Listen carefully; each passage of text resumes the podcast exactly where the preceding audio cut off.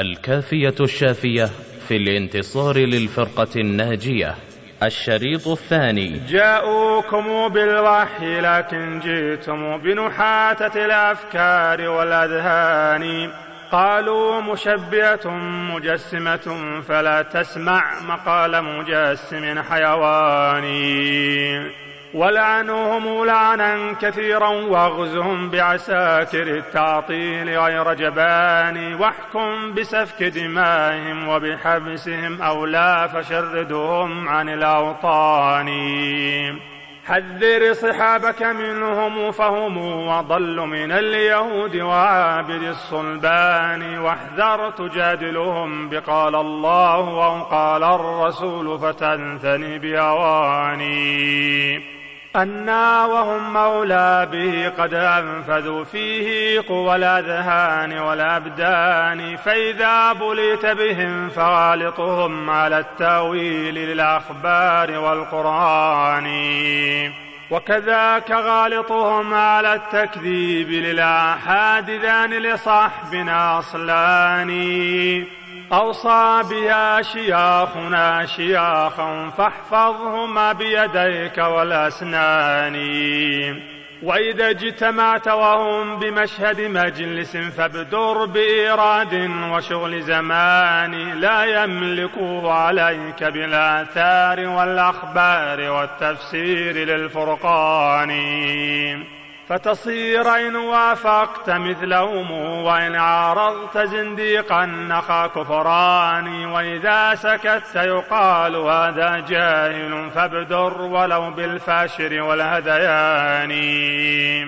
هذا الذي والله أوصانا به أشياخنا في سالف الأزمان. فرجعت من سفري وقلت لصاحبي ومطيتي قد آذنت بحراني. عطل ركابك واسترح من سيرها ما ثم شيء غير ذي الأكوان. لو كان للأكوان رب خالق كان المجسم صاحب البرهان.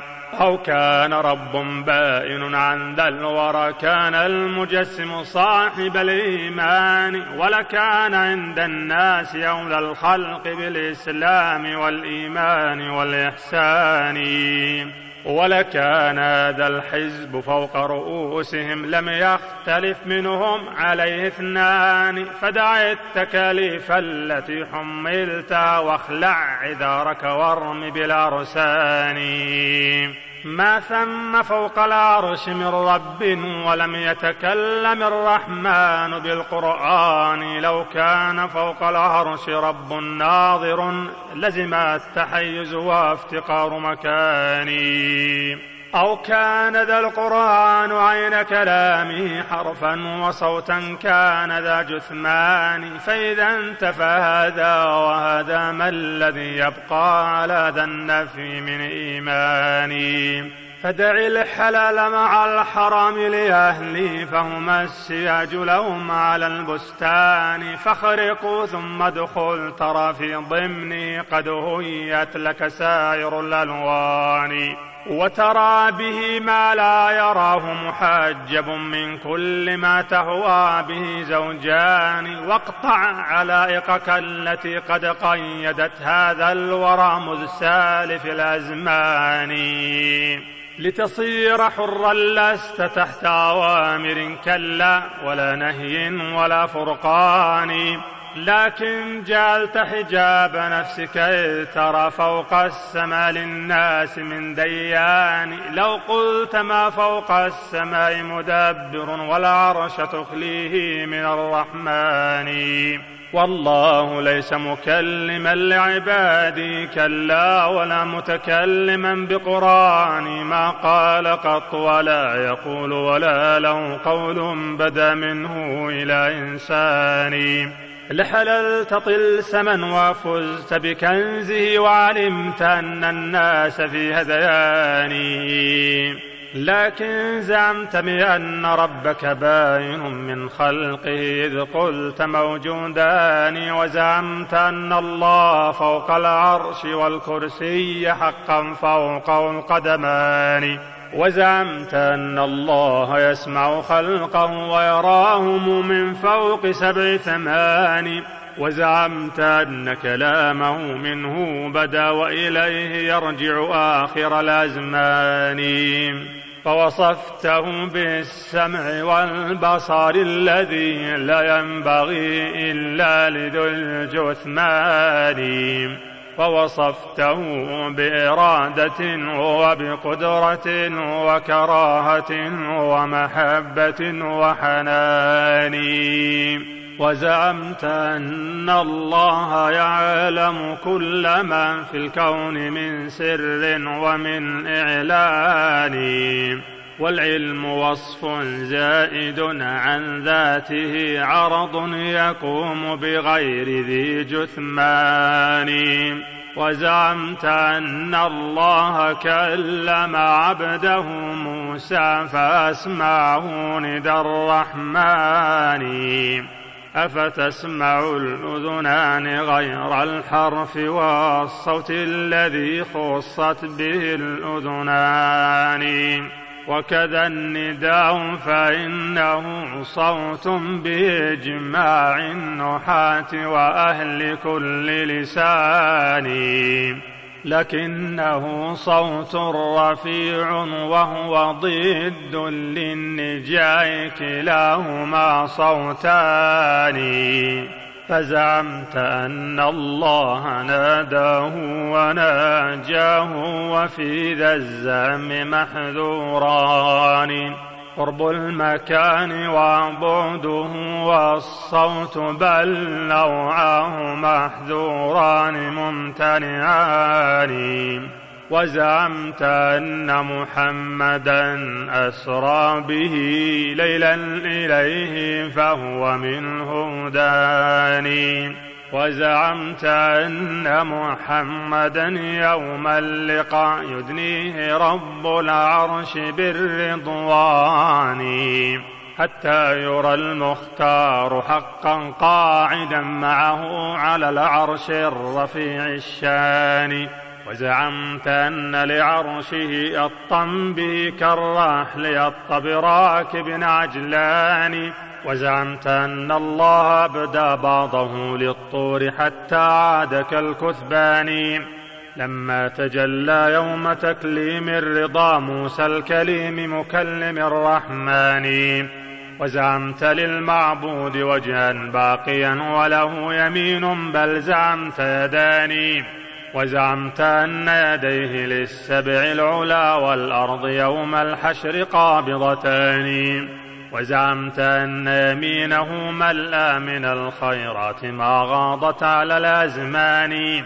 وزعمت أن العدل في الأخرى بها رفع وخفض وهو بالميزان. وزعمت أن الخلق طرا عندما يهتز فوق أصابع الرحمن. وزعمت أيضا أن قلب العبد ما بين اثنتين من الأصابع عاني.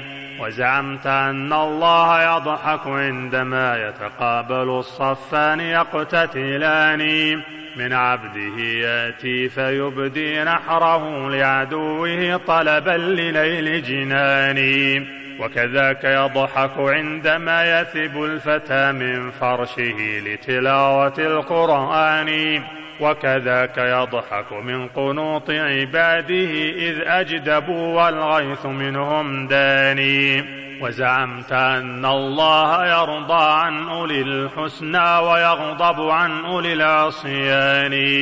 وزعمت أن الله يسمع صوته يوم المعاد بعيدهم والداني لما يناديهم أنا الديان لا ظلم لدي فيسمع الثقلان وزعمت أن الله يشرق نوره في الأرض يوم الفصل والميزان وزعمت أن الله يكشم ساقه فيخر ذاك الجمع للأذقان. وزعمت أن الله يبسط كفه لمسيئنا ليتوب من عصيان. وزعمت أن يمينه تطوي السماء طي السجل على كتاب بيان. وزعمت أن الله ينزل في الدجى في ثلث ليل آخر أو ثاني. فيقول هل من سائل فأجيبه فأنا القريب مجيب من ناداني. وزعمت أن له نزولا ثانيا يوم القيامة للقضاء الثاني. وزعمت أن الله يبدو جهرة لعباده حتى يرى بعيان بل يسمعون كلامه ويرونه فالمقلتان إليه ناظرتان. وزعمت أن لربنا قدما وأن الله واضعها على النيران. فهناك يدنو بعضها من بعضها وتقول قط قط حاجتي وكفاني. وزعمت أن الناس يوم مزيدهم كل يحاضر ربه ويعدان بالحاء مع ضاد وجامع صادها وجهان في ذا اللفظ محفوظان. في الترمذي ومسند وسواهما من كتب تجسيم بلا كتمان ووصفته بصفات حي فاعل بالاختيار وذلك الأصلان. أصل التفرق بين هذا الخلق في الباري فكن في النفي غير جبان. أو لا فلا تلعب بدينك ناقضا نفيا بإثبات بلا فرقان. فالناس بين معطل أو مثبت أو ثالث متناقض صفعان.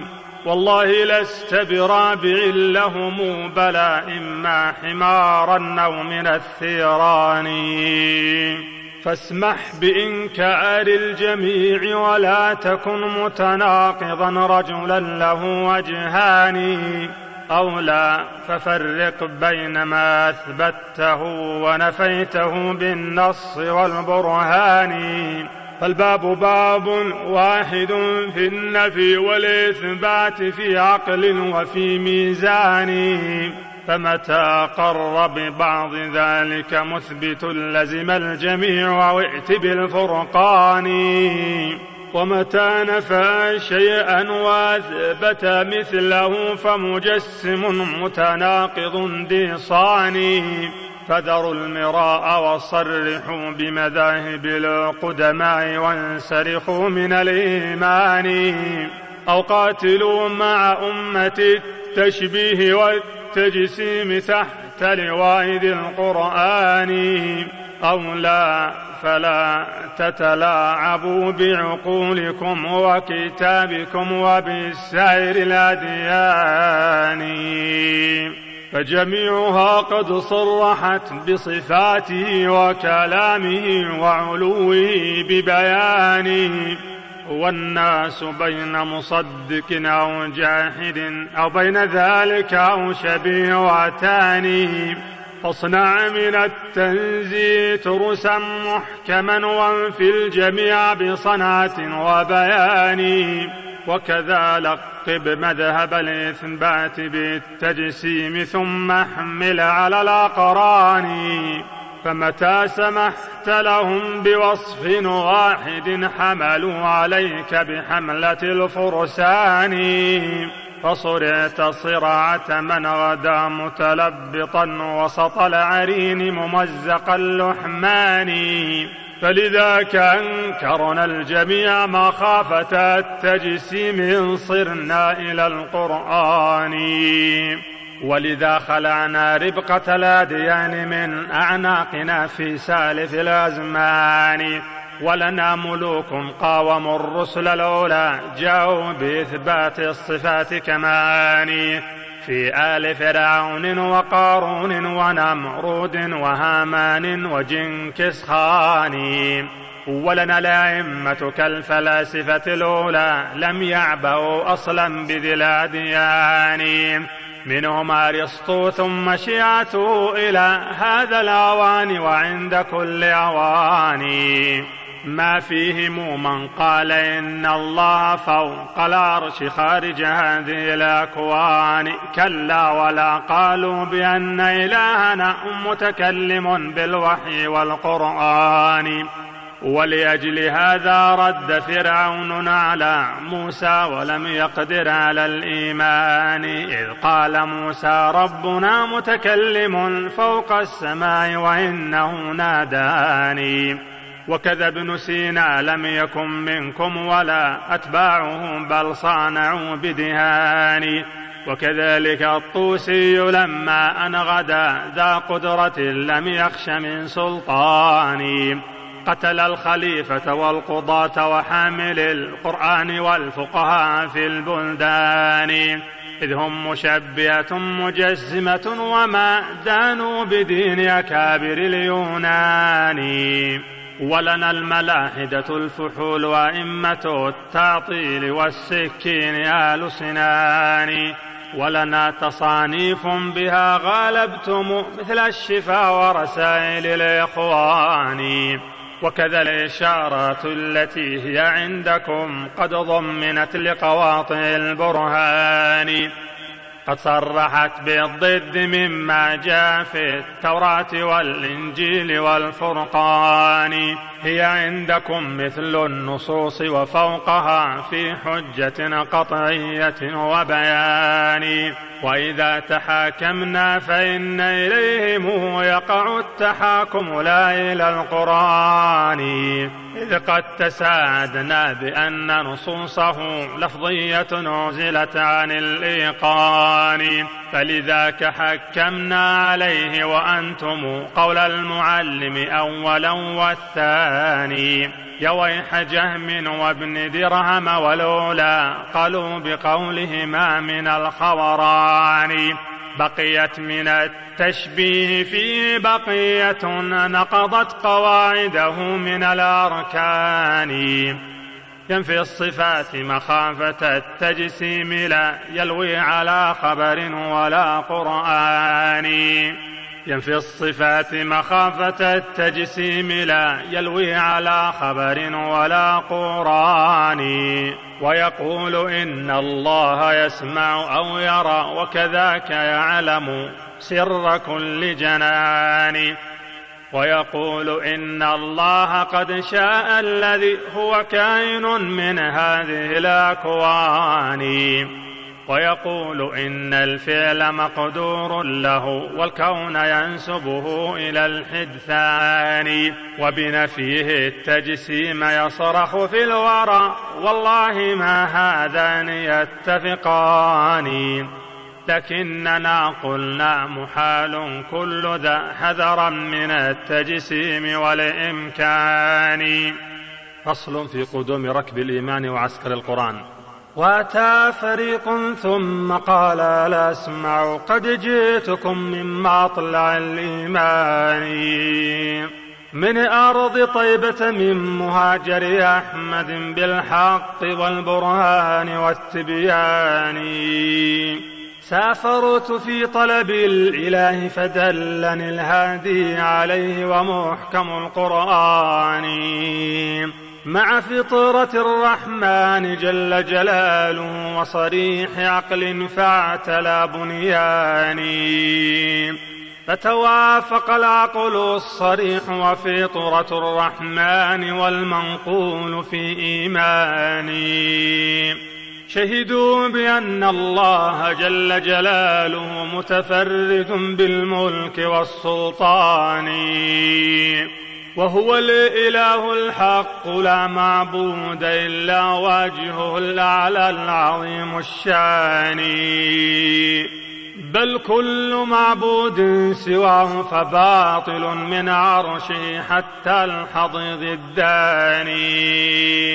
وعبادة الرحمن غاية حبه مع ذل عبده هما قطبان. وعليهما فلك العبادة دائر ما دار حتى قامت القطبان. ومداره بالأمر أمر رسوله لا بالهوى والنفس والشيطان. فقيام دين الله بالإخلاص والإحسان إنهما له أصلان. لم ينج من غضب الإله وناره إلا الذي قامت به الأصلان. والناس بعد فمشرك بإلهه أو ذو ابتداع أو له الوصفان. والله لا يرضى بكثرة فعلنا لكن بأحسنه مع الإيمان. فالعارفون مراد إحسانه والجاهلون عموا عن الإحسان. وكذاك قد شهدوا بأن الله ذو سمع وذو بصر هما صفتان. وهو العلي يرى ويسمع خلقه من فوق عرش فوق ست ثمانين فيرى دبيب النمل في عسق الدجى ويرى كذاك تقلب الأجفان. وضجيج أصوات العباد بسمعه ولديه لا يتشابه الصوتان.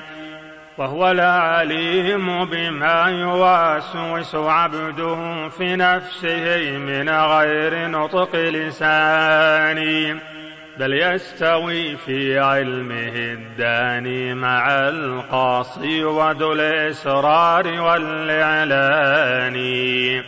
وهو العليم بما يكون وعدا وما قد كان والمعلوم في ذا الآن وبكل شيء لم يكن لو كان كيف يكون موجودا لذي الأعيان. وهو القدير فكل شيء فهو مقدور له طوعا بلا عصيان. وعموم قدرته يدل بأنه وخالق الأفعال للحيوان هي خلقه حقا وأفعال لهم حقا ولا يتناقض الأمران. لكن أهل الجبر والتكذيب بالأقدار من فتحت لهم عينان نظروا بعيني أعور إذ فاتهم نظر البصير وغارت العينان. فحقيقة القدر الذي حار الورى في شأنه هو قدرة الرحمن. واستحسن ابن عقيل ذا من أحمد لما حكاه عن الرضا الرباني. قال لي إمام شفى القلوب بلفظة ذات اختصار وهي ذات بيان. فصل. وله الحياة كمالها فلأجل ذا مال الممات عليه من سلطان. وكذلك القيوم من أوصافه ما للمنام لديه من غشيان وكذاك أوصاف الكمال جميعها ثبتت له ومدار الوصفان. فمصحح الأوصاف والأفعال والأسماء حقا ذلك الأصلان. ولأجل ذا جاء الحديث بأنهم في آية الكرسي وذي عمران اسم الإله الأعظم اشتمل على اسم الحي والقيوم مقترنان. فالكل مرجعها إلى الاسمين يدري ذاك ذو بصر بهذا الشان. وله الإرادة والكراهة والرضا وله المحبة وهو ذو الإحسان وله الكمال المطلق العاري عن التشبيه والتمثيل بالإنسان. وكمال من ناط الكمال لنفسه أولى وأقدم وهو أعظم شان. أيكون قد أعطى الكمال وما له ذاك الكمال أذاك ذو إمكان. أيكون إنسان سميعا مبصرا متكلما بمشيئة وبيان وله الحياة وقدرة وإرادة والعلم بالكلي والأعيان. والله قد أعطاه ذاك وليس هذا وصفه فاعجب من البهتان بخلاف نوم العبد ثم جماعة والأكل منه وحاجة الأبدان. تلك ملزومات كون العبد محتاجا وتلك لوازم النقصان وكذا لوازم كونه جسدا نعم ولوازم الإحداث والإمكان. يتقدس الرحمن جل جلاله عنها وعن أعضاء ذي جثمان. والله ربي لم يزل متكلما وكلامه المسموع بالآذان. صدقا وعدلا أحكمت كلماته طلبا وإخبارا بلا نقصان. ورسوله قد عاذ بالكلمات من لدغ ومن عين ومن شيطان. أيعوذ بالمخلوق حاشاه من الإشراك وهو معلم الإيمان. بل عاذ بالكلمات وهي صفاته سبحانه ليست من الأكوان. وكذلك القرآن عين كلامه المسموع منه حقيقة ببيان. هو قول ربي كله لا بعضه لفظا ومانا ما هما خلقان. تنزيل رب العالمين وقوله اللفظ والمعنى بلا روغان.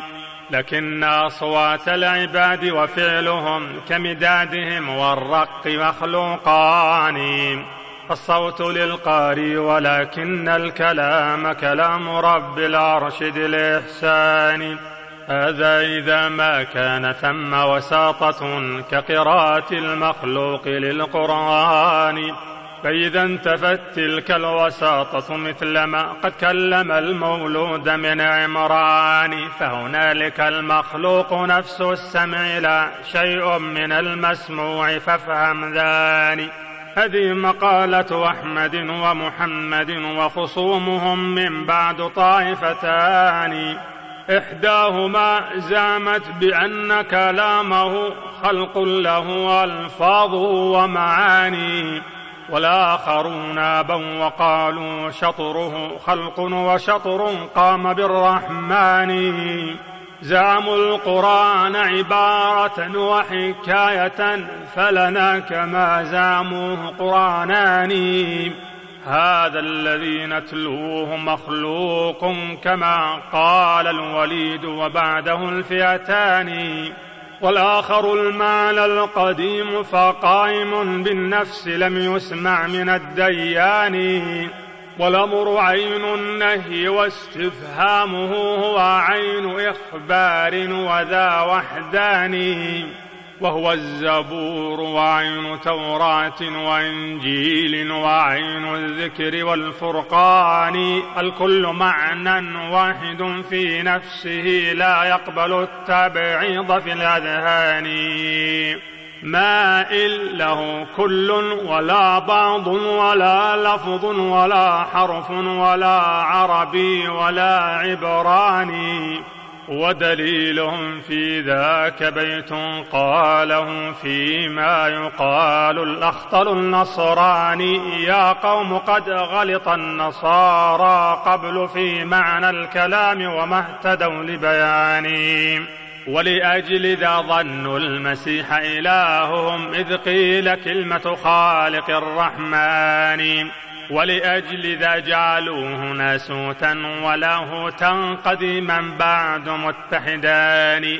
ونظير هذا من يقول كلامه معنى قديم غير ذي حدثان. والشطر مخلوق وتلك حروفه ناسوت لكنهما غيران. فانظر إلى ذا الاتفاق فإنه عجب وطالع سنة الرحمن.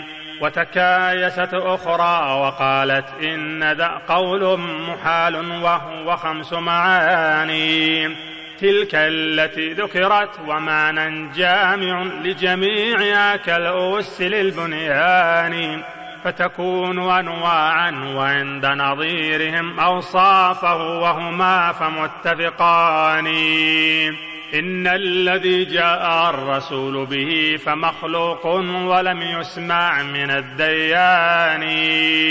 والخلف بينهم فقيل محمد أنشاه تعبيرا عن القرآن. والآخرون أبوا وقالوا إنما جبريل وانشاه عن المنان. وتكايست أخرى وقالت إنه نقل من اللوح الرفيع الشان فاللوح مبداه ورب اللوح قد أنشاه خلقا فيه ذا حدثان. هذه مقالات لهم فانظر ترى في كتبهم يا من له عينان. لكن أهل الحق قالوا إنما جبريل بلغه عن الرحمن. ألقاه مسموعا له من ربه للصادق المصدوق بالبرهان. فصل في مجامع طرق أهل الأرض واختلافهم في القرآن. وإذا أردت مجامع الطرق التي فيها افتراق الناس في القرآن فمدارها أصلان قام عليهما هذا الخلاف هما له ركنان. هل قوله بمشية أم لا؟ وهل في ذاته أم خارج هذان؟ أصل اختلاف جميع أهل الأرض في القرآن فاطلب مقتضى البرهان. ثم الأولى قالوا بغير مشيئة وإرادة منه فطائفتان. إحداهما جعلته معنى قائما بالنفس أو قالوا بخمس معاني. والله أحدث هذه الألفاظ كي تبديه معقولا إلى الأذهان. ولذاك قالوا إنها ليست هي القرآن بل دلت على القرآن.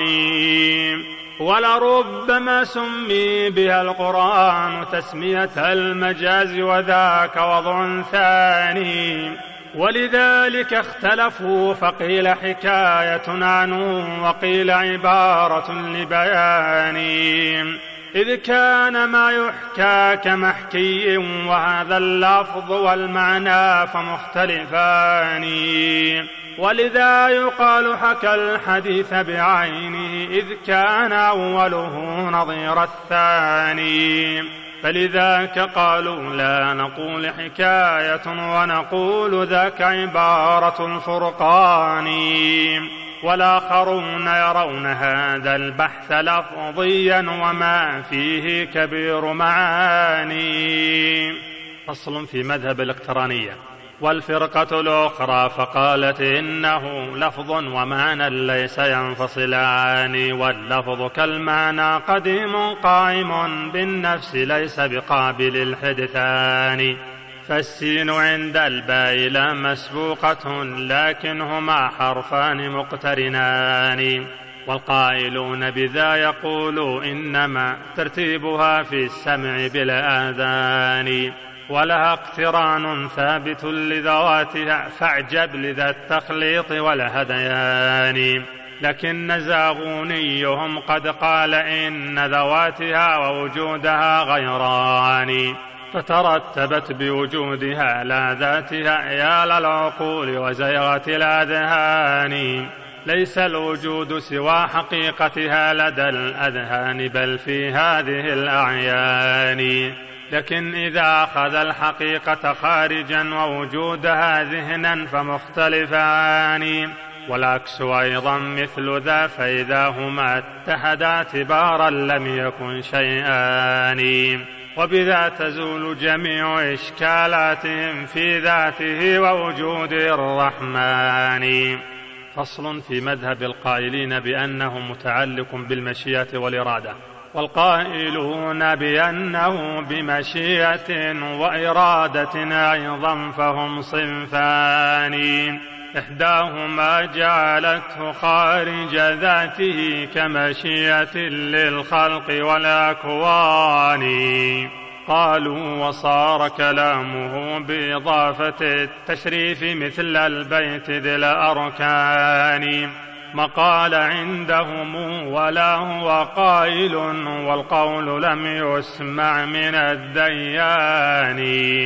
فالقول مفعول لديهم قائم بالغير كالأعراض والألوان. هذه مقالة كل جهمي وهم فيها الشيوخ معلم الصبيان.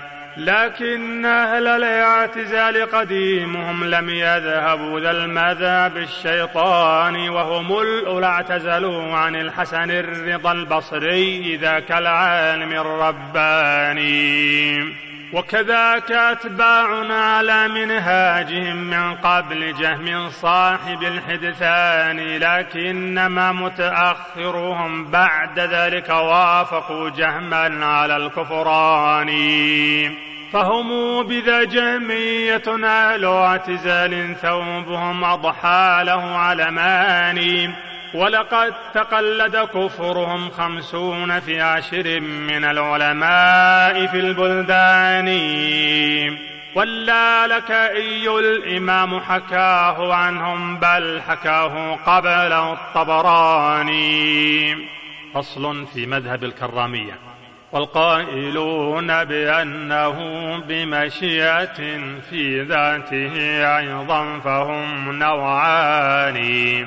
إحداهما جعلته مبدوءا به نوعا حذار تسلسل الأعيان فيسد ذاك عليهم في زعمهم إثبات خالق هذه الأكوان. فلذاك قالوا إنه ذو أول ما للفناء عليه من سلطان. وكلامه كفعاله وكلاهما ذو مبدأ بل ليس ينتهيان. قالوا ولم ينصف خصوم جعجعوا وأتوا بتشنيع بلا برهان.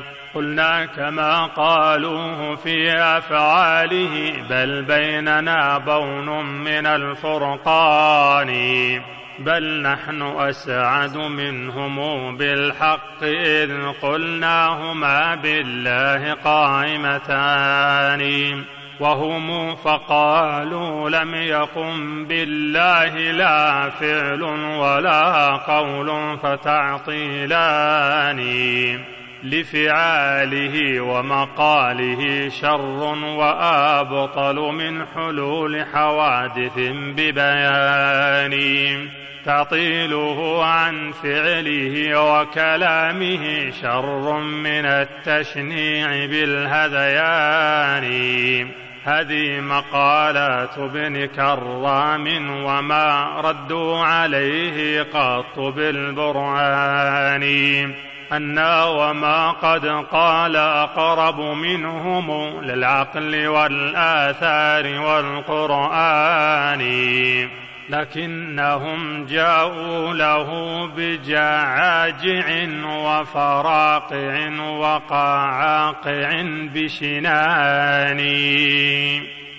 فصل في ذكر مذهب أهل الحديث.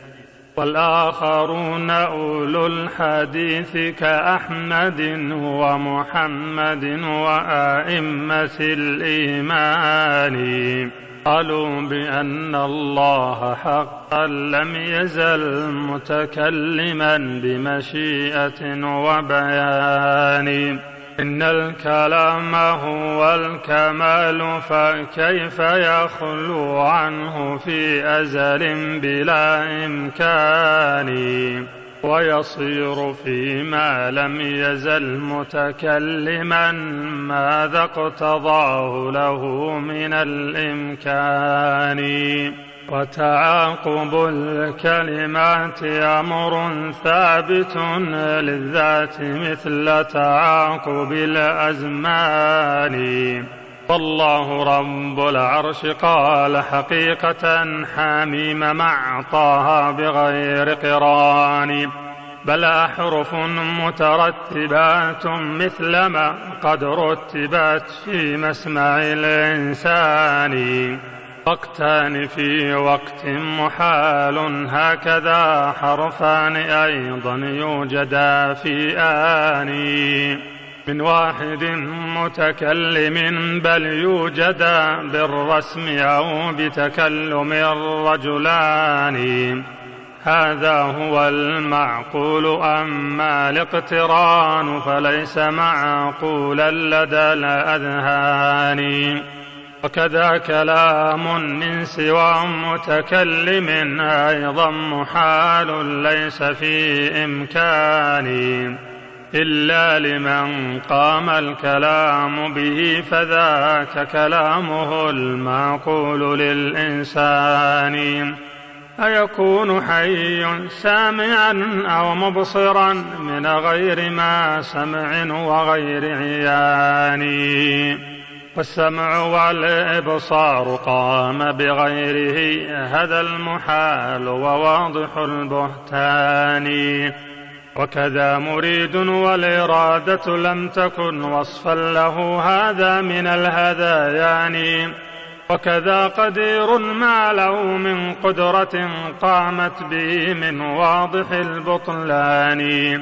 الله جل جلاله متكلم بالنقل والمعقول والبرهان. قد أجمعت رسل الاله عليه لم ينكره من أتباعهم رجلان. فكلامه حقا يقوم به وإلا لم يكن متكلما بقرآن. فالله قال وقائل وكذا يقول الحق ليس كلامه بالفاني. ويكلم الثقلين يوم معادهم حقا فيسمع قوله الثقلان. وكذا يكلم حزبه في جنة الحيوان بالتسليم والرضوان. وكذا يكلم رسله يوم اللقاء حقا فيسألهم عن التبيان. ويراجع التكليم جل جلاله وقت الجدال له من الإنسان. ويكلم الكفار في العرصات توبيخا وتقريعا بلا غفران. ويكلم الكفار أيضا في الجحيم أن يخسوا فيها بكل هوان والله قد نادى الكريم وقبله سمع الندى في الجنة الأبوان وأتى الندى في تسع آيات له وصفا فراجعها من القرآن. وكذا يكلم جبرائيل بأمره حتى ينفذه بكل مكان. واذكر حديثا في صحيح محمد ذاك البخاري العظيم الشان. فيه نداء الله يوم معادنا بالصوت يبلغ قاصيا والداني.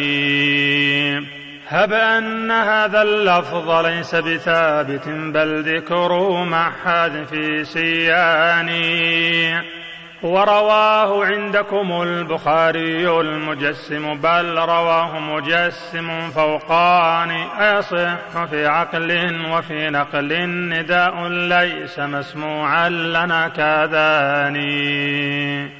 أم أجمع العقلاء من أهل اللسان وأهل كل لسان أن الندى الصوت الرفيع وضده فهو النجاء كلاهما صوتان.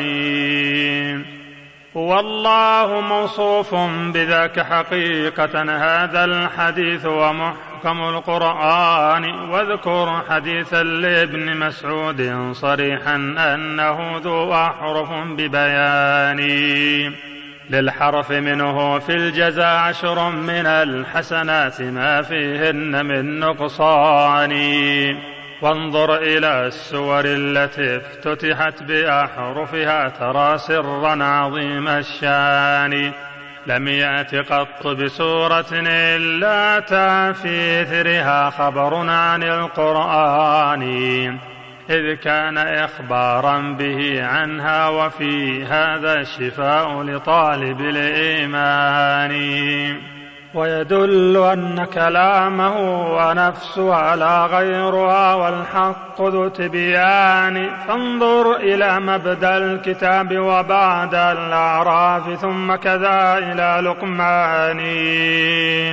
مع تلوها أيضا ومع حميم مع ياسين وافهم مقتضى القرآن.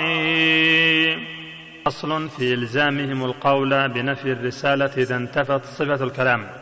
فالله عز وجل موس آمر ناهم بمرسل لبيانه. ومخاطب ومحاسب ومنبئ ومحدث ومخبر بالشان. ومكلم متكلم بل قائل ومحذر ومبشر بأمانين هاد يقول الحق مرشد خلقه بكلامه للحق والإيمان. فإذا انتفت صفة الكلام فكل هذا منتف متحقق البطلان.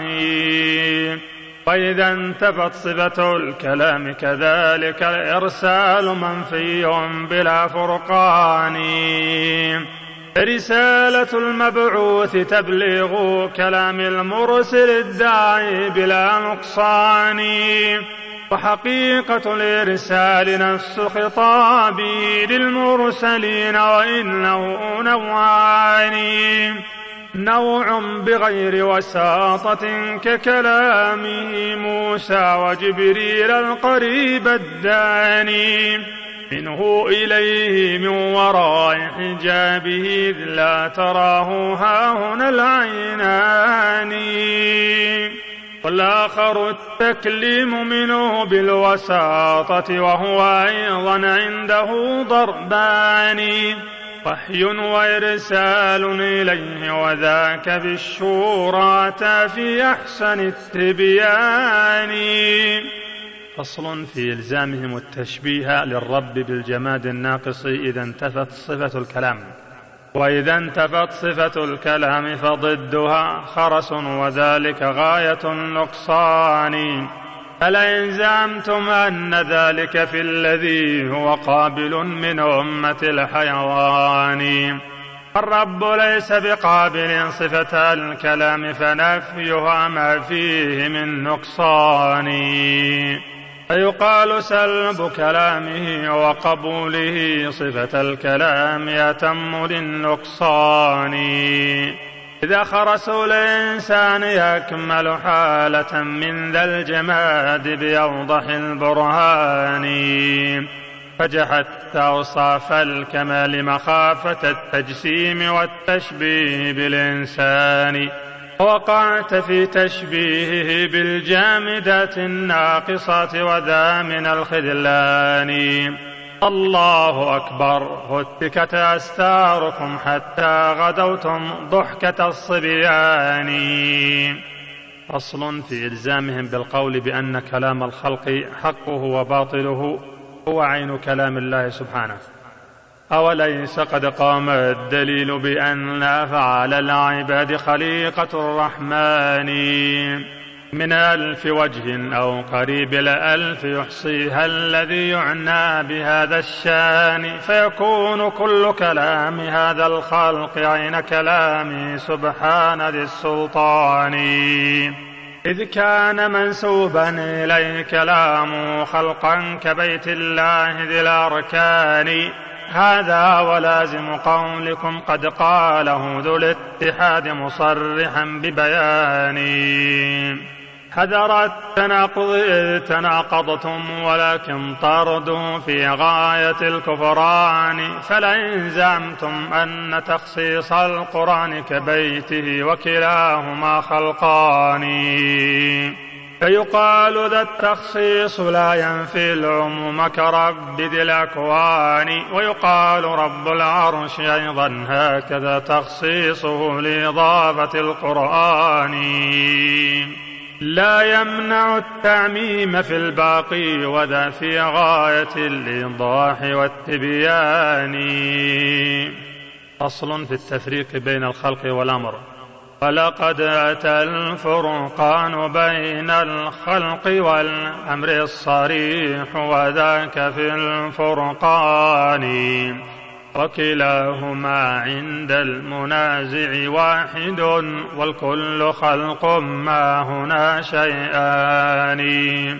والعطف عندهم كعطف الفرد من نوع عليه وذاك في القرآن. فيقال هذا ذو امتناع ظاهر في آية التفريق ذو تبيان. الله بعد الخلق أخبر أنها قد سخرت بالأمر للجريان وأبان عن تسخيرها سبحانه بالأمر بعد الخلق بالتبيان. والأمر إما مصدر أو كان مفعولا هما في ذاك مستويان. مأموره هو قابل للأمر كالمصنوع قابل صنعة الرحمن. فإذا انتفى الأمر انتفى المأمور كالمخلوق ينفى الانتفى الحدثان وانظر إلى نظم السياق تجد به سرا عجيبا واضح البرهان ذكر الخصوص وفعله متقدما والوصف والتعميم في ذا الثاني.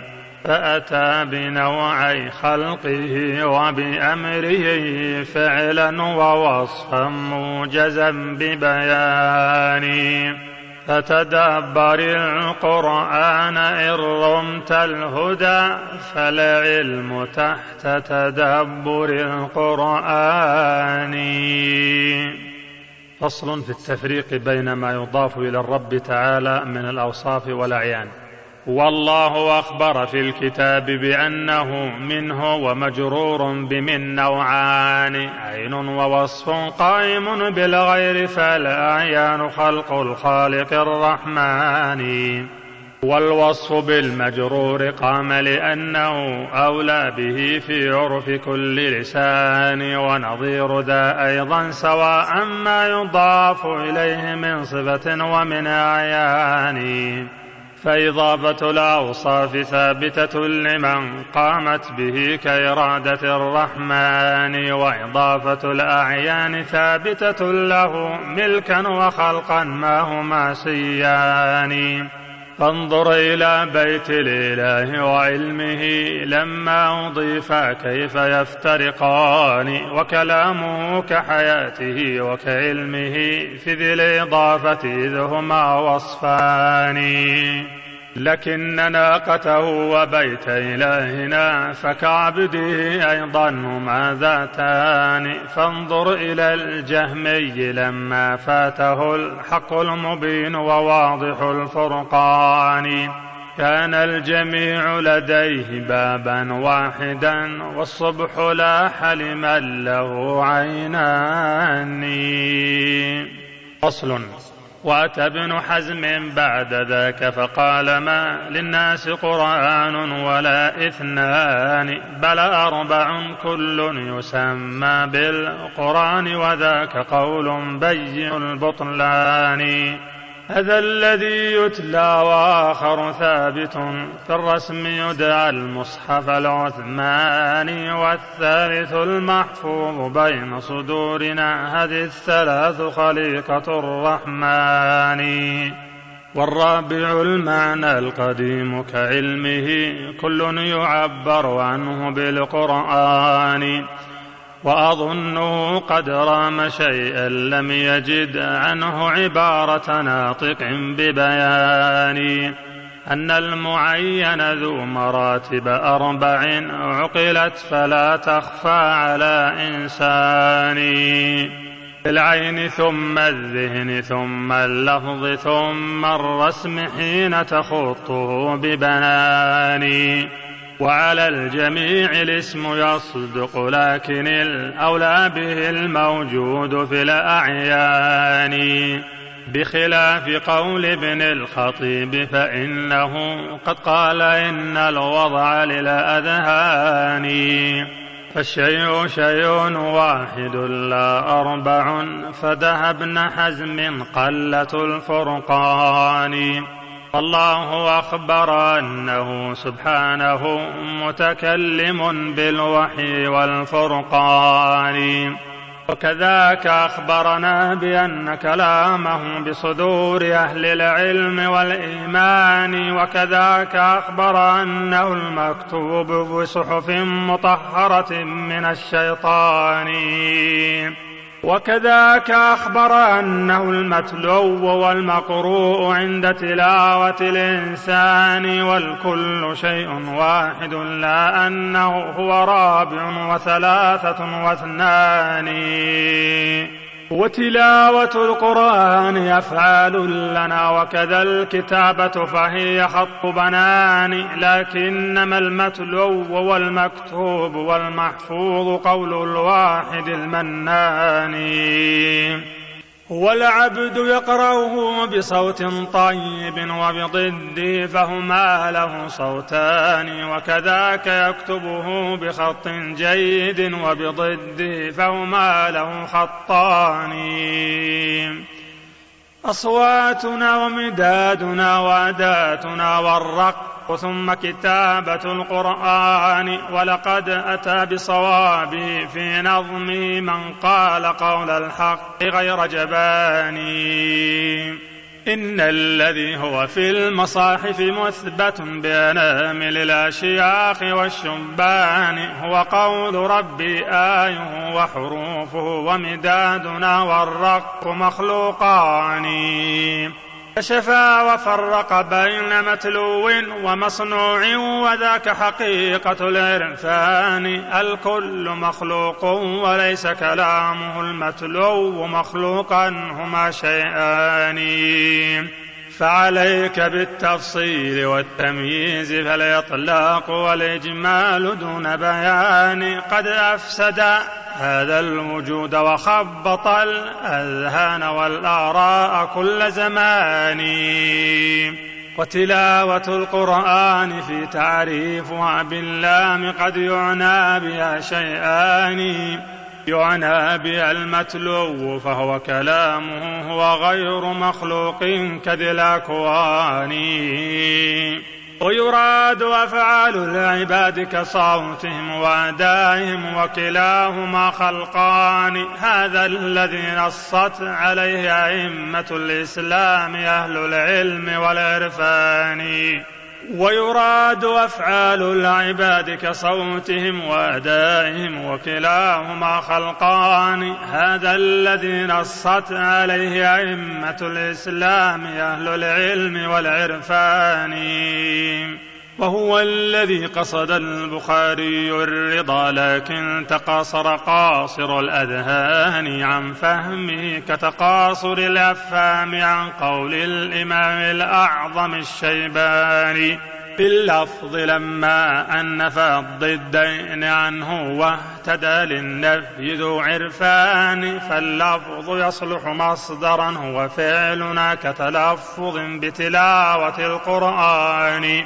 وكذاك يصلح نفس ملفوظ به وهو القرآن فذاك محتملان. فلذاك أنكر أحمد الإطلاق في نفي وإثبات بلا فرقان.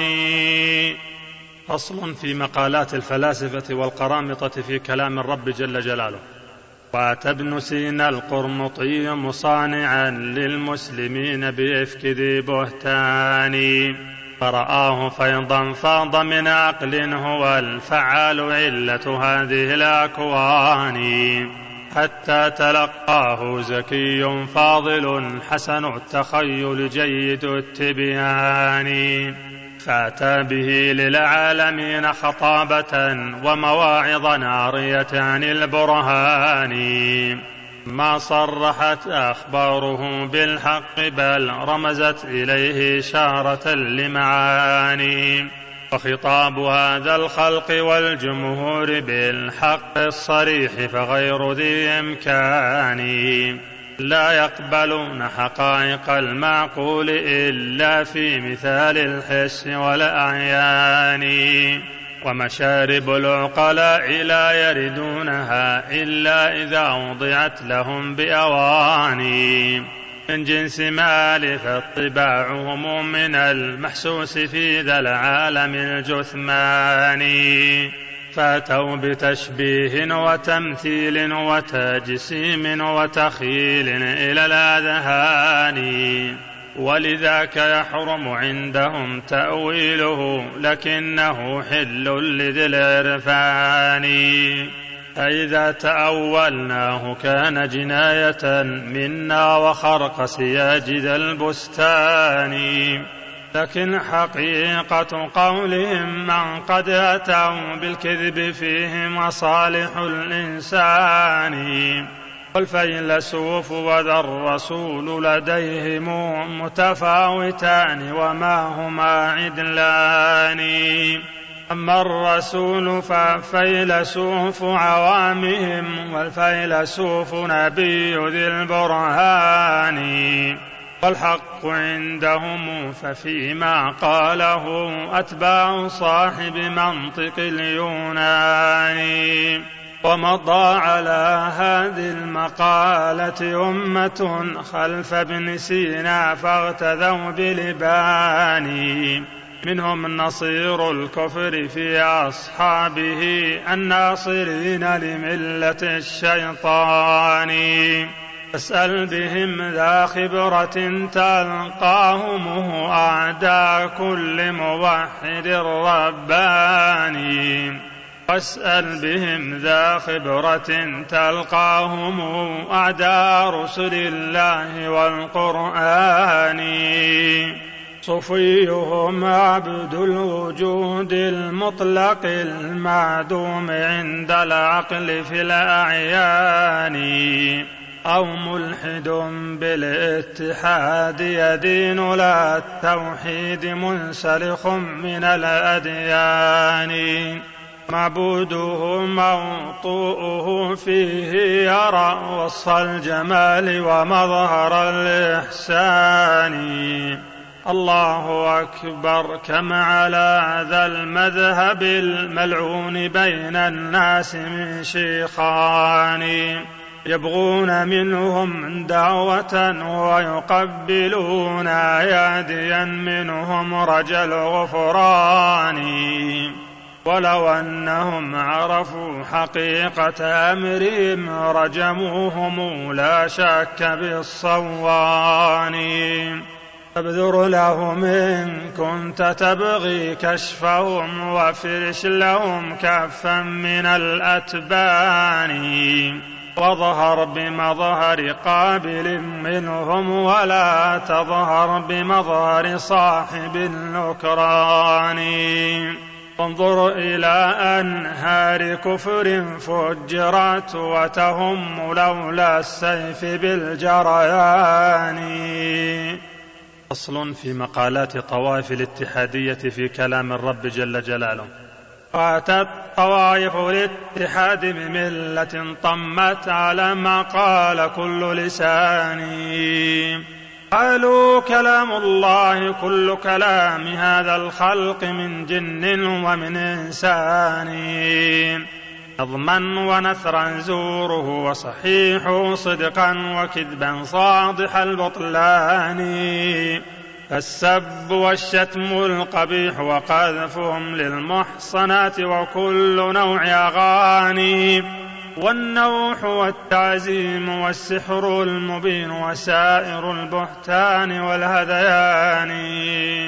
وعين قول الله جل جلاله وكلامه حقا بلا نكران. هذا الذي أدى إليه أصلهم وعليه قام مكسح البنيان. إذ أصلهم من لا الإله حقيقة عين الوجود وعين ذي الأكوان. فكلامها وصفاتها هو قوله وصفاته ما هاهنا غيران. ولذاك قالوا إنه الموصوف بالضدين من قبح ومن إحسان. ولذاك قد وصفوه أيضا بالكمال وضد من سائر النقصان. هذه مقالات الطوائف كلها حملت إليك رخيصة الأثمان. وأظن لو فتشت كتب الناس ما ألفيتها أبدا بذا التبيان. زفت إليك فإن يكن لك ناظر أبصرت ذات الحسن والإحسان. فاطف على الجهمية المغل الأولى خرقوا سياج العقل والقرآن. شرد بهم من خلفهم واكسرهم بل ناد في ناديهم بأذاني أفسدتم المعقول والمنقول والمسموع من لغة بكل لسان. أيصح وصف الشيء بالمشتق للمسلوب معناه لدى الأذهان. أيصح صبار ولا صبر له ويصح شكار بلا شكران. ويصح علام ولا علم له ويصح غفار بلا غفران. ويقال هذا سامع أو مبصر والسمع والإبصار مفقودان. هذا محال في العقول وفي النقول وفي اللغات وغير ذي إمكان. فلئن زعمتم أنه متكلم لكن بقول قام بالإنسان أو غيره فيقال هذا باطل وعليكم في ذاك محذوران. نفي اشتقاق اللفظ للموجود معناه به وثبوته للثاني. عن الذي ما قام معناه به قلب الحقائق يقبح البهتان ونظير ذا خوان هذا مبصر وأخوه معدود من العميان.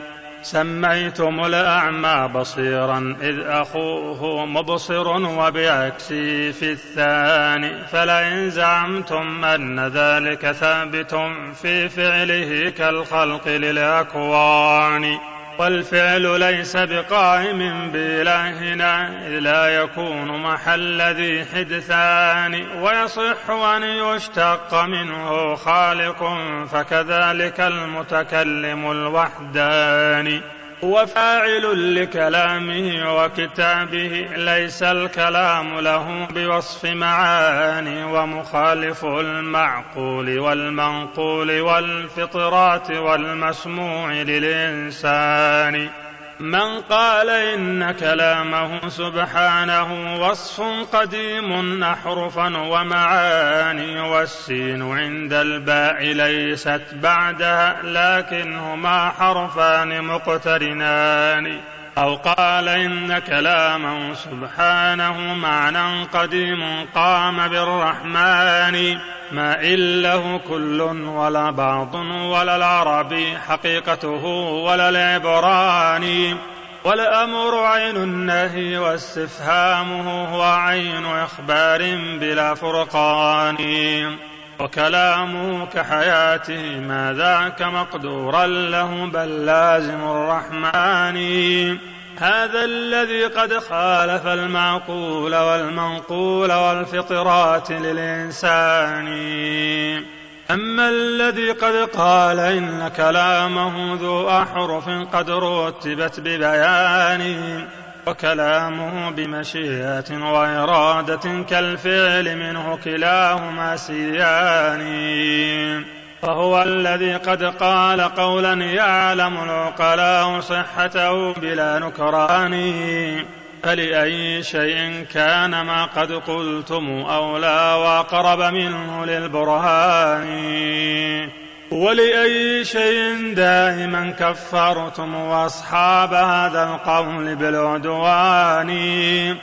فدعوا الدعاوي وابحثوا معنا بتحقيق وإنصاف بلا عدوان.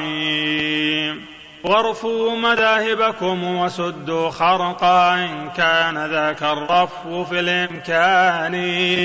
فاحكم هداك الله بينهم فقد أدلوا إليك بحجة وبيان. لا تنصرن سوى الحديث وأهله هم عسكر القرآن والإيمان. وتحيزن إليهم لا غيرهم لتكون منصورا لدى الرحمن.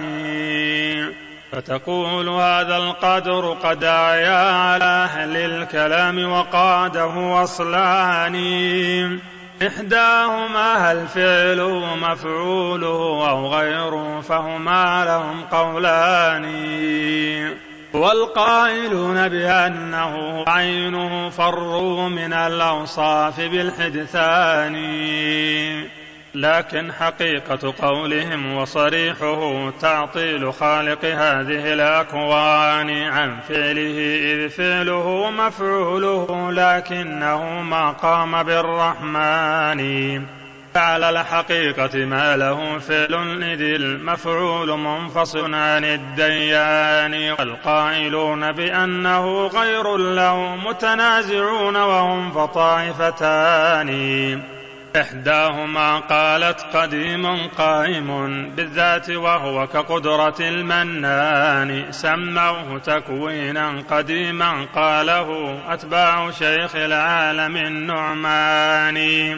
وخصومهم لم ينصفوا في رده بل كابروهم ما أتوا ببيان ولا آخرون رأوه أمرا حادثا بالذات قام وإنهم نوعان. إحداهما جالته مفتتحا به حذر التسلسل ليس لا إمكان. هذا الذي قالته كرامية ففعاله وكلامه سيان. والآخرون أولو الحديث كأحمد ذاك ابن حنبل الرضا الشيباني. قد قال إن الله حقا لم يزل متكلما إن شاء ذو إحسان. جعل الكلام صفات فعل قائم بالذات لم يفقد من الرحمن وكذاك نص على دوام الفعل بالإحسان أيضا في مكان ثاني. وكذا ابن عباس فراجع قوله لما أجاب مسائل القرآن وكذاك جعفر الإمام الصادق المقبول عند الخلق ذو العرفان. قد قال لم يزل المهيمن محسنا برا جوادا عند كل أواني وكذا الإمام الدارمي فإنه قد قال ما فيه هدى الحيران. قال الحياة مع الفعال كلاهما متلازمان فليس يفترقان. صدق الإمام فكل حي فهو فعال وذا في غاية التبيان. إلا إذا ما كان ثم موانع من آفة أو قاسر الحيوان. والرب ليس لفعله من مان ما شاء كان بقدرة الديان. ومشيئة الرحمن لزمة له وكذاك قدرة ربنا الرحمن. هذا وقد فطر الإله عباده أن المهيمن دائم الإحسان. أولست تسمع قول كل موحد يا دائم المعروف والسلطان؟ وقديم الإحسان الكثير ودائم الجود العظيم وصاحب الغفران. من غير إنكار عليهم فطرة فطروا عليها لا تواص ثاني أوليس فعل الرب تابع وصفه وكماله فذاك ذو حدثان؟ وكماله سبب الفعال وخلقه أفعالهم سبب الكمال الثاني. وما فعال الرب عين كماله فذاك ممتنع على المنان. أزلا إلى أن صار فيما لم يزل متمكنا والفعل ذو إمكان. تالله قد ضلت عقول القوم إذ قالوا بهذا القول ذي البطلان. ماذا الذي يضحى له متجددا حتى تمكن؟ فانطقوا ببياني.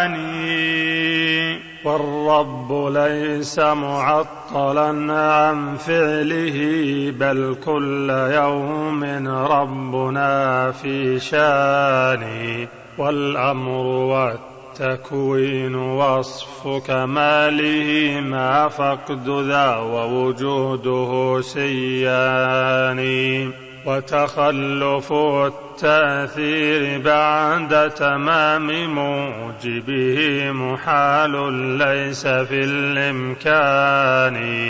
والله ربي لم يزل ذا قدرة ومشيئة ويليهما وصفان العلم مع وصف الحياة وهذه أوصاف ذات الخالق المنان وبها تمام الفعل ليس بدونها فعل يتم بواضح البرهان. فلأي شيء قد تأخر فعله مع موجب قد تم بالأركان. ما كان ممتنعا عليه الفعل بل ما زال فعل الله ذا إمكان. والله عاب المشركين بأنهم عبدوا الحجارة في رضا الشيطان. ونعى عليهم كونها ليست بخالقة وليست ذات نطق بيان. فأبان أن الفعل والتكليم من أوثانهم لا شك مفقودان. وإذا هما فقدا فما مسلوبها بإله حق وهو ذو بطلان. والله فهو إله حق دائما عفى عنه ذا الوصفان مسلوبان. أزلا وليس لفقدها من غاية هذا المحال وأعظم البطلان. إن كان رب العرش حقا لم يزل أبدا إله الحق ذا سلطان. فكذاك أيضا لم يزل متكلما بل فاعلا ما شاء ذا إحسان. والله ما في العقل ما يقضي لذا بالرد والإبطال والنكران. بل ليس في المعقول غير ثبوته للخالق الأزلي ذي الإحسان هذا وما دون المهيمن حادث ليس القديم سواه في الأكوان. والله سابق كل شيء غيره. ما ربنا والخلق مقترنان. والله كان وليس شيء غيره. سبحانه جل العظيم الشان. لسنا نقول كما يقول الملحد الزنديق صاحب منطق اليوناني. بدوام هذا العالم المشهود والأرواح في أزل وليس بفاني. هذه مقالات الملاحدة الأولى كفروا بخالق هذه الأكوان.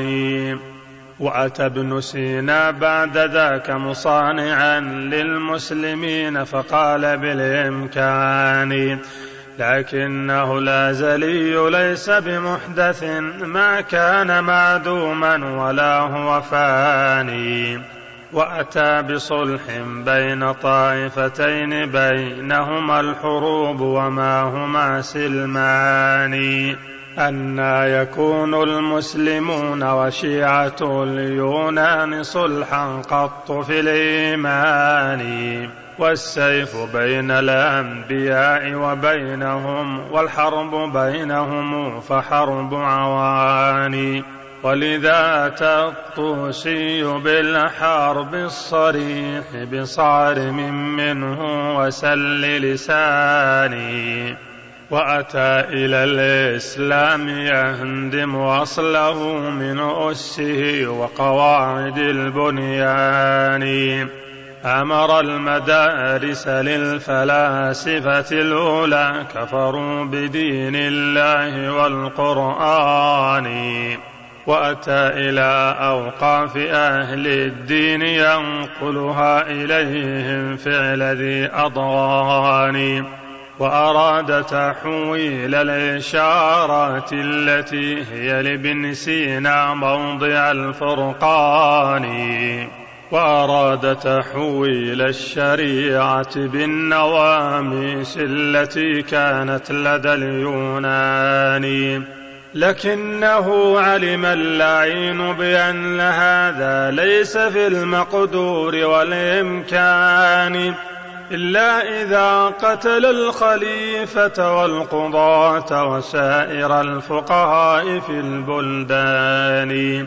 فسعى لذاك وساعد المقدور بالأمر الذي هو حكمة الرحمن. فأشار أن يضع التتار سيوفهم في عسكر الإيمان والقرآن. لكنهم يبقون أهل صنائع الدنيا لأجل مصالح الأبدان. فغدا على سيف التتار الألف في مثل الله مضروبة بوزان وكذا ثمان مئينها في ألفها مضروبة بالعد والحسبان. حتى بكى الإسلام أعداء اليهود كذا المجوس وعابد الصلبان. فشفى اللعين النفس من حزب الرسول وعسكر الإيمان والقرآن. وبوده لو كان في أحد وقد شهد الوقيعة مع أبي سفيان. لاقر أعينهم وأوفى نذره أو أن يرى متمزق اللحمان. وشواهد الإحداث ظاهرة على ذا العالم المخلوق بالبرهان. وأدلة التوحيد تشهد كلها بحدوث كل ما سوى الرحمن.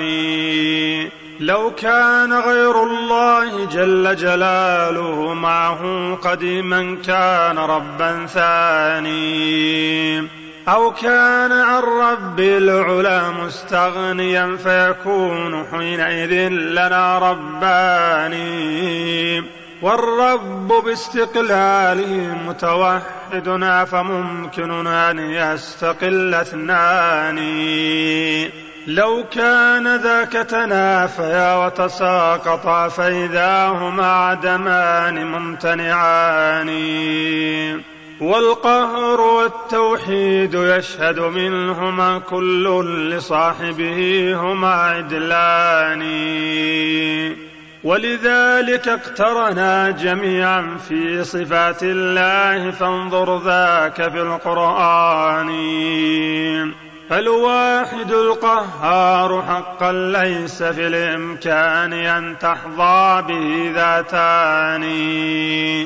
فصل في اعتراضهم على القول بدوام فاعلية الرب وكلامه والانفصال عنه. فلئن زعمتم أن ذاك تسلسل قلنا صدقتم وهو ذو إمكان. كتسلسل التأثير في مستقبل هل بين ذينك قط من فرقان؟ والله ما افترقا لذي عقل ولا نقل ولا نظر ولا برهان في سلب إمكان ولا في ضده هذه العقول ونحن ذو أذهان. فليأت بالفرقان من هو فارق؟ فرقا يبين لصالح الأذهان. ولذاك سهو الجهم بينهما كذا العلاف في الإنكار والبطلان. ولأجل ذا حكما بحكم باطل قطعا على الجنات والنيران. فالجهم أفنى الذات والعلاف للحركات أفنى قاله الثوراني وأبو علي وابنه والأشعري وبعده ابن الطيب الرباني. وجميع أرباب الكلام الباطل المذموم عند أئمة الإيمان. فرقوا وقالوا ذاك فيما لم يزل حق وفي أزل بلا إمكان. قالوا لأجل تناقض الأزلي والإحداث ما هذان يجتمعان؟ لكن دوام الفعل في مستقبل ما فيه محذور من النكران. انظر إلى التلبيس في ذا الفرق تروجا على العوران والعميان. مقال ذو عقل بأن الفرد ذو عزل لذي ذهن ولا أعيان. بل كل فرد فهو مسبوق بفرد قبله أبدا بلا حسبان. ونظير هذا كل فرد فهو ملحق بفرد بعده حكمان. للنوع والآحاد مسبوق وملحوق وكل فهو منها فاني. والنوع لا يفنى أخيرا فهو لا يفنى كذلك أولا ببيان. وتعاقب الآنات أمر ثابت في الذهن وهو كذاك في الأعيان. فإذا أبيتم ذا وقلتم أول الآنات مفتتح بلا نكران. مكان ذاك لا مسبوقا يرى إلا بسلب وجوده الحقاني فيقال ما تعنون بالآنات؟ هل تعنون مدة هذه الأزمان؟ من حين إحداث السماوات العلى والأرض والأفلاك والقمران.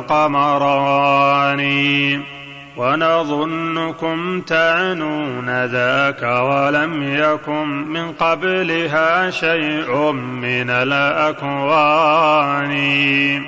هل جاءكم في ذاك من آثر ومن نص ومن نظر ومن برهان؟ هذا الكتاب وهذه الآثار والمعقول في الفطرات والأذهان.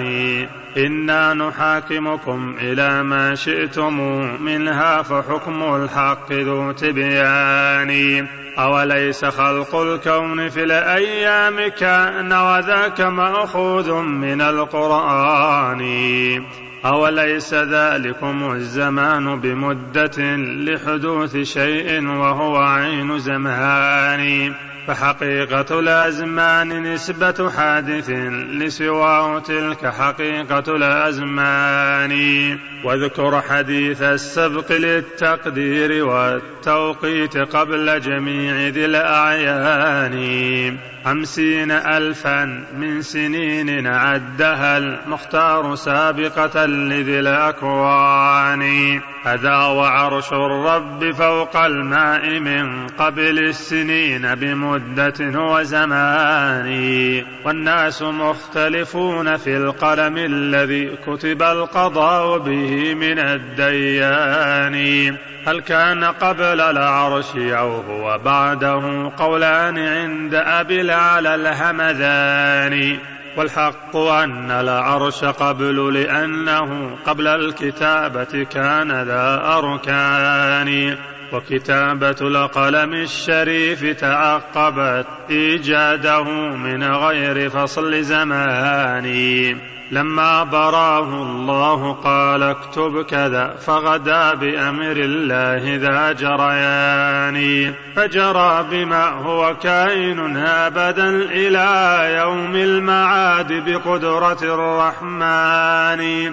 أفكان رب العرش جل جلاله من قبل ذا عجز وذا نقصان. أم لم يزل ذا قدرة والفعل مقدور له أبدا وذو إمكان؟ فلئن سألت وقلت ما هذا الذي أداهم لخلاف ذا التبيان؟ ولأي شيء لم يقولوا إنه سبحانه هو دائم الإحسان؟ فاعلم بأن القوم لما أسسوا أصل الكلام عموا عن القرآن وعن الحديث ومقتضى المعقول بل عن فطرة الرحمن والبرهان. وبنوا قواعدهم عليه فقادهم قسرا إلى التعطيل والبطلان. نفي القيام لكل أمر حادث بالرب خوف تسلسل الأعيان. فيسد ذاك عليهم في زعمهم إثبات صانع هذه الأكوان. إذ أثبتوه بكون ذي الأجسام حادثة فلا تنفك عن حدثان. فإذا تسللت الحوادث لم يكن لحدوثها إذ ذاك من برهان. فلأجل ذا قالوا التسلسل باطل والجسم لا يخلو عن الحدثان. فيصح حينئذ حدوث الجسم من هذا الدليل بواضح البرهان. هذه نهايات لأقدام الورى في ذا المقام الضيق الأعطاني فمن الذي يأتي بفتح بين ينجي الورى من غمرة الحيران؟ فالله يجزيه الذي هو أهله من جنة المأوى مع الرضوان. أصل. اسمع إذا وافهم فذاك معطل ومشبه وهداك ذو الغفران. هذا الدليل هو الذي يرداهم بل هد كل قواعد القرآن وهو الدليل الباطل المردود عند أئمة التحقيق والعرفان. ما زال أمر الناس معتدلا إلى أن دار في الأوراق والأذهان وتمكنت أجزاء بقلوبهم فاتت لوازمه إلى الإيمان. رفعت قواعده ونحت أسه فهوى البناء وخر للأركان. وجنوا على الإسلام كل جناية إذ سلطوا الأعداء بالعدوان. حملوا بأسلحة المحال فخانهم ذاك السلاح فما اشتفوا بطعان وأتى العدو إلى سلاحهم فقاتلهم به في غيبة الفرسان.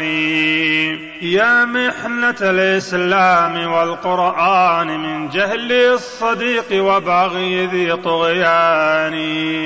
والله لولا الله ناصر دينه وكتابه بالحق والبرهان لتخطفت أعداؤه أرواحنا ولقطعت منا عرى الإيمان. أيكون حقا ذا الدليل وما اهتدى خير القرون له محال ذاني وفقتم للحق إذ حرموا في أصل اليقين ومقاد العرفان. وهديتمونا للذي لم يهتدوا أبدا به وشدة الحرمان.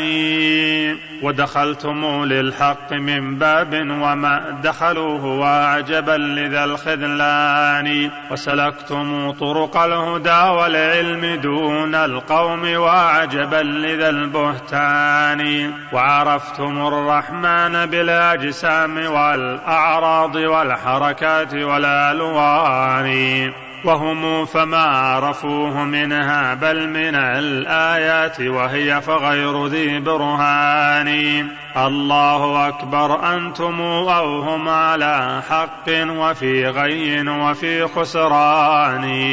دع ذا أليس الله قد أبدى لنا حق الأدلة وهي في القرآن؟ متنوعات صرفت وتظاهرت من كل وجه فهي ذو أفنان معلومة للعقل أو مشهودة للحس أو في فطرة الرحمن.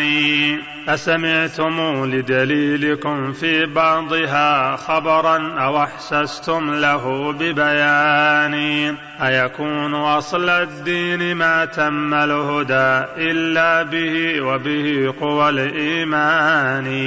وسواه ليس بموجب من لم يحط علما به لم ينج من كفران.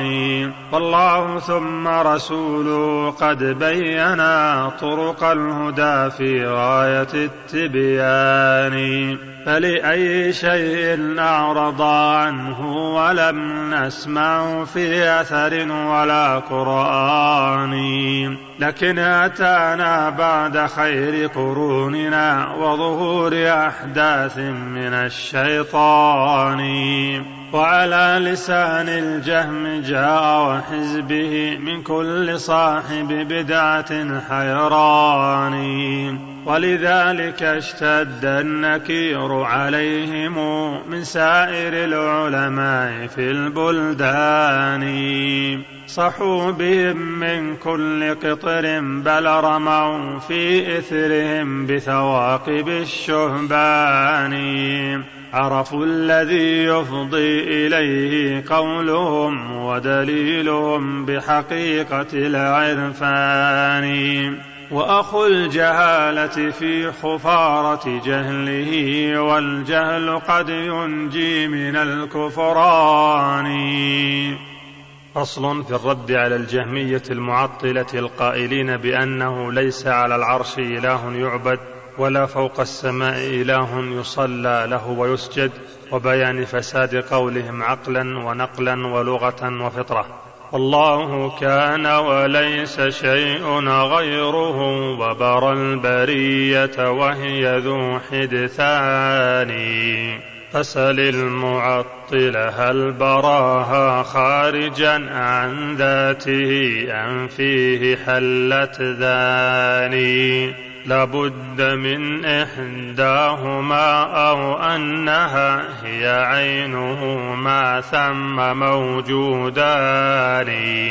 ما ثم مخلوق وخالقه وما شيء مغاير هذه الأكوان.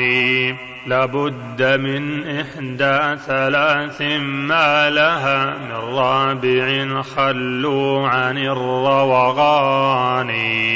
ولذاك قال محقق القوم الذي رفع القواعد مدعي العرفان.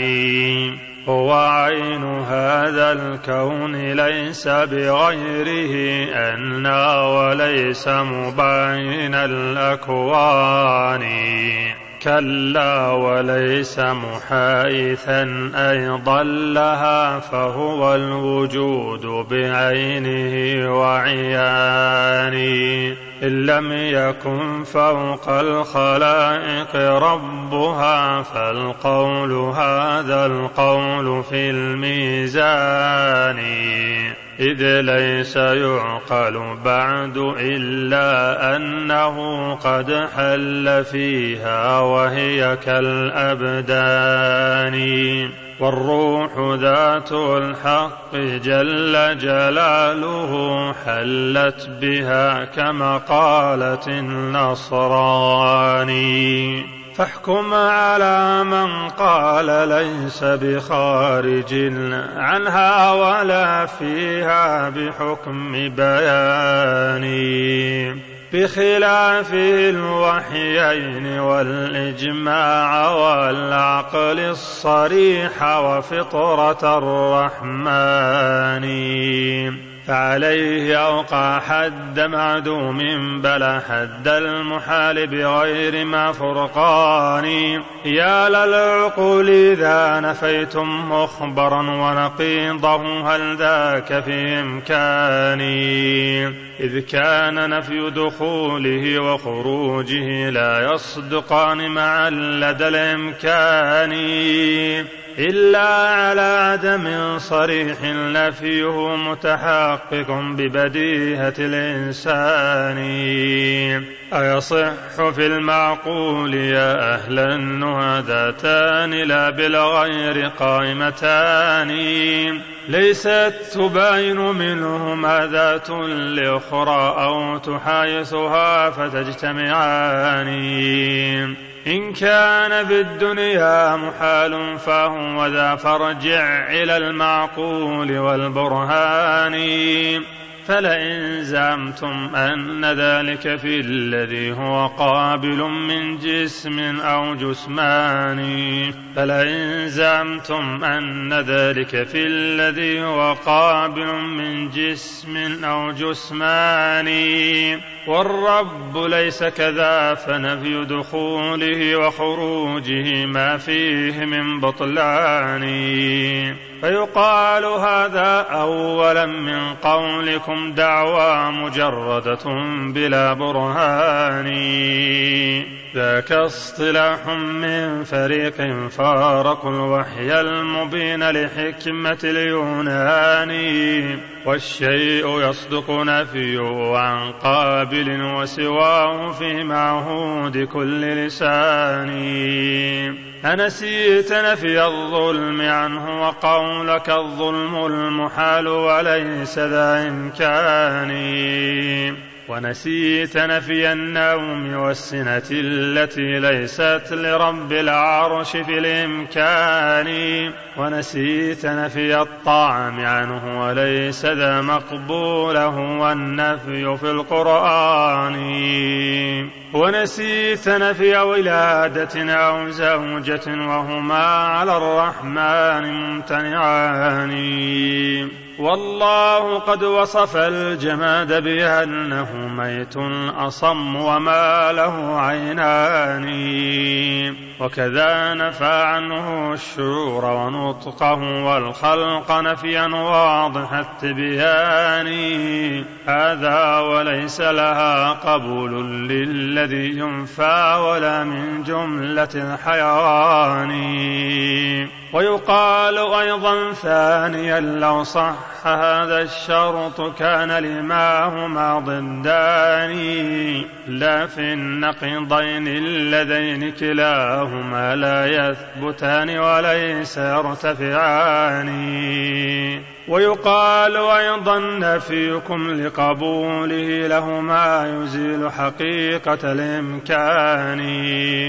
بل ذاك نفي قيامه بالنفس أو بالغير في الفطرات والأذهان فإذا المعطل قال إن قيامه بالنفس أو بالغير ذو بطلان. إذ ليس يقبل واحدا من ذينك الأمرين إلا وهو ذو إمكان. جسم يقوم بنفسه أيضا كذا عرض يقوم بغيره أخوان في حكم إمكان وليس بواجب ما كان فيه حقيقة الإمكان. فكلاكما ينفي الإله حقيقة وكلاكما في نفيه سيان ماذا يرد عليه من هو مثله في النفي صرفا إذ هما عدلان؟ والفرق ليس بممكن لك بعدما ضاهيت هذا النفي في البطلان. القرآن. فوزان هذا النفي ما قد قلته حرفا بحرف أنتما صنوان والخصم يزعم أن ما هو قابل لكليهما فكقابل لمكان. ففرق لنا فرقا يبين مواقع الإثبات والتعطيل بالبرهان. أو لا فاعطل قوس باريها وخل الفشر عنك وكثرة الهذيان. فصل في سياق هذا الدليل على وجه آخر. وسل المعطل عن مسائل خمسة تردي قواعده من الأركان. قل للمعطل هل تقول إلهنا المعبود حقا خارج الأذهان؟ فإذا نفى هذا فذاك معطل للرب حقا بالغ الكفران وإذا أقر به فسله ثانيا تراه غير جميع ذي الأكوان. فإذا نفى هذا وقال بأنه هو عينها ما ها هنا غيران فقد ارتدى بالاتحاد مصرحا بالكفر جاحد رب الرحمن. حاشا النصارى أن يكونوا مثله وهم الحمير وعابد الصلبان. هم خصصوه بالمسيح وأمه وأولئك ما صانوه عن حيوان. فإذا أقر بأنه غير الورى عبد ومعبود هما شيئان فاسأله هل هذا الورى في ذاته أم ذاته فيه هنا أمران. فإذا أقر بواحد من ذينك الأمرين قبل خده النصراني ويقول أهلا بالذي هو مثلنا خشداشنا وحبيبنا الحقاني. وإذا نفى الأمرين فاسأله إذا هل ذات استغنت عن الأكوان؟ فلذاك قام بنفسه أم قام بالأعيان كالأعراض والألوان؟ فإذا قر وقال بل هو قائم بالنفس فاسأله وقل ذاتان بالنفس قائمتان أخبرني هما مثلان أو ضدان أو غيران وعلى التقادير الثلاث فإنه لولا التباين لم يكن شيئان. ضدين أو مثلين أو غيرين كانا بل هما لا شك متحدان.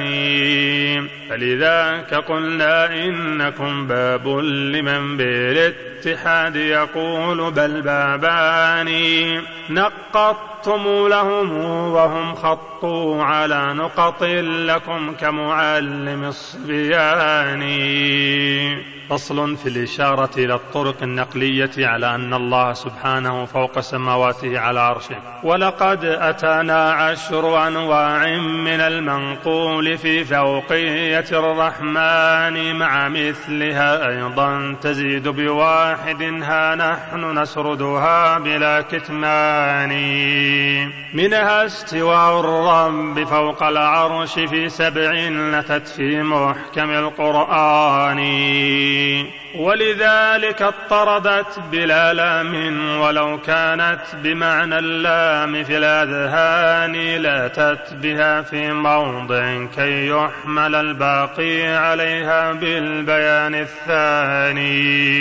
ونظير ذا إضمارهم في موضع حملا على المذكور في التبيان. لا يضمرون مع اضطراد دون ذكر المضمر المحذوف دون بيان بل في محل الحذف يكثر ذكره فإذا هم ألفوه إلف لسان حذفوا تخفيفا وإيجازا فلا يخفى المراد به على الإنسان. هذا ومن عشرين وجها يبطل التفسير باستولى لذي العرفان. قد أفردت بمصنف لإمام هذا الشأن بحر العالم الحراني. فصل. هذا وثانيها صريح علوه وله بحكم صريحه لفظان لفظ العلي ولفظة الأعلى معرفة أتت فيه لقصد بيان أن العلو له بمطلقه على التعميم والإطلاق بالبرهان وله العلو من الوجوه جميعها ذاتا وقهرا مع علو الشان. لكن نفاة علوه سلبوه إكمال العلو فصار ذا نقصان. حاشاه من إفك النفاة وسلبهم فله الكمال المطلق الرب الرباني انتهى الشريط الثاني.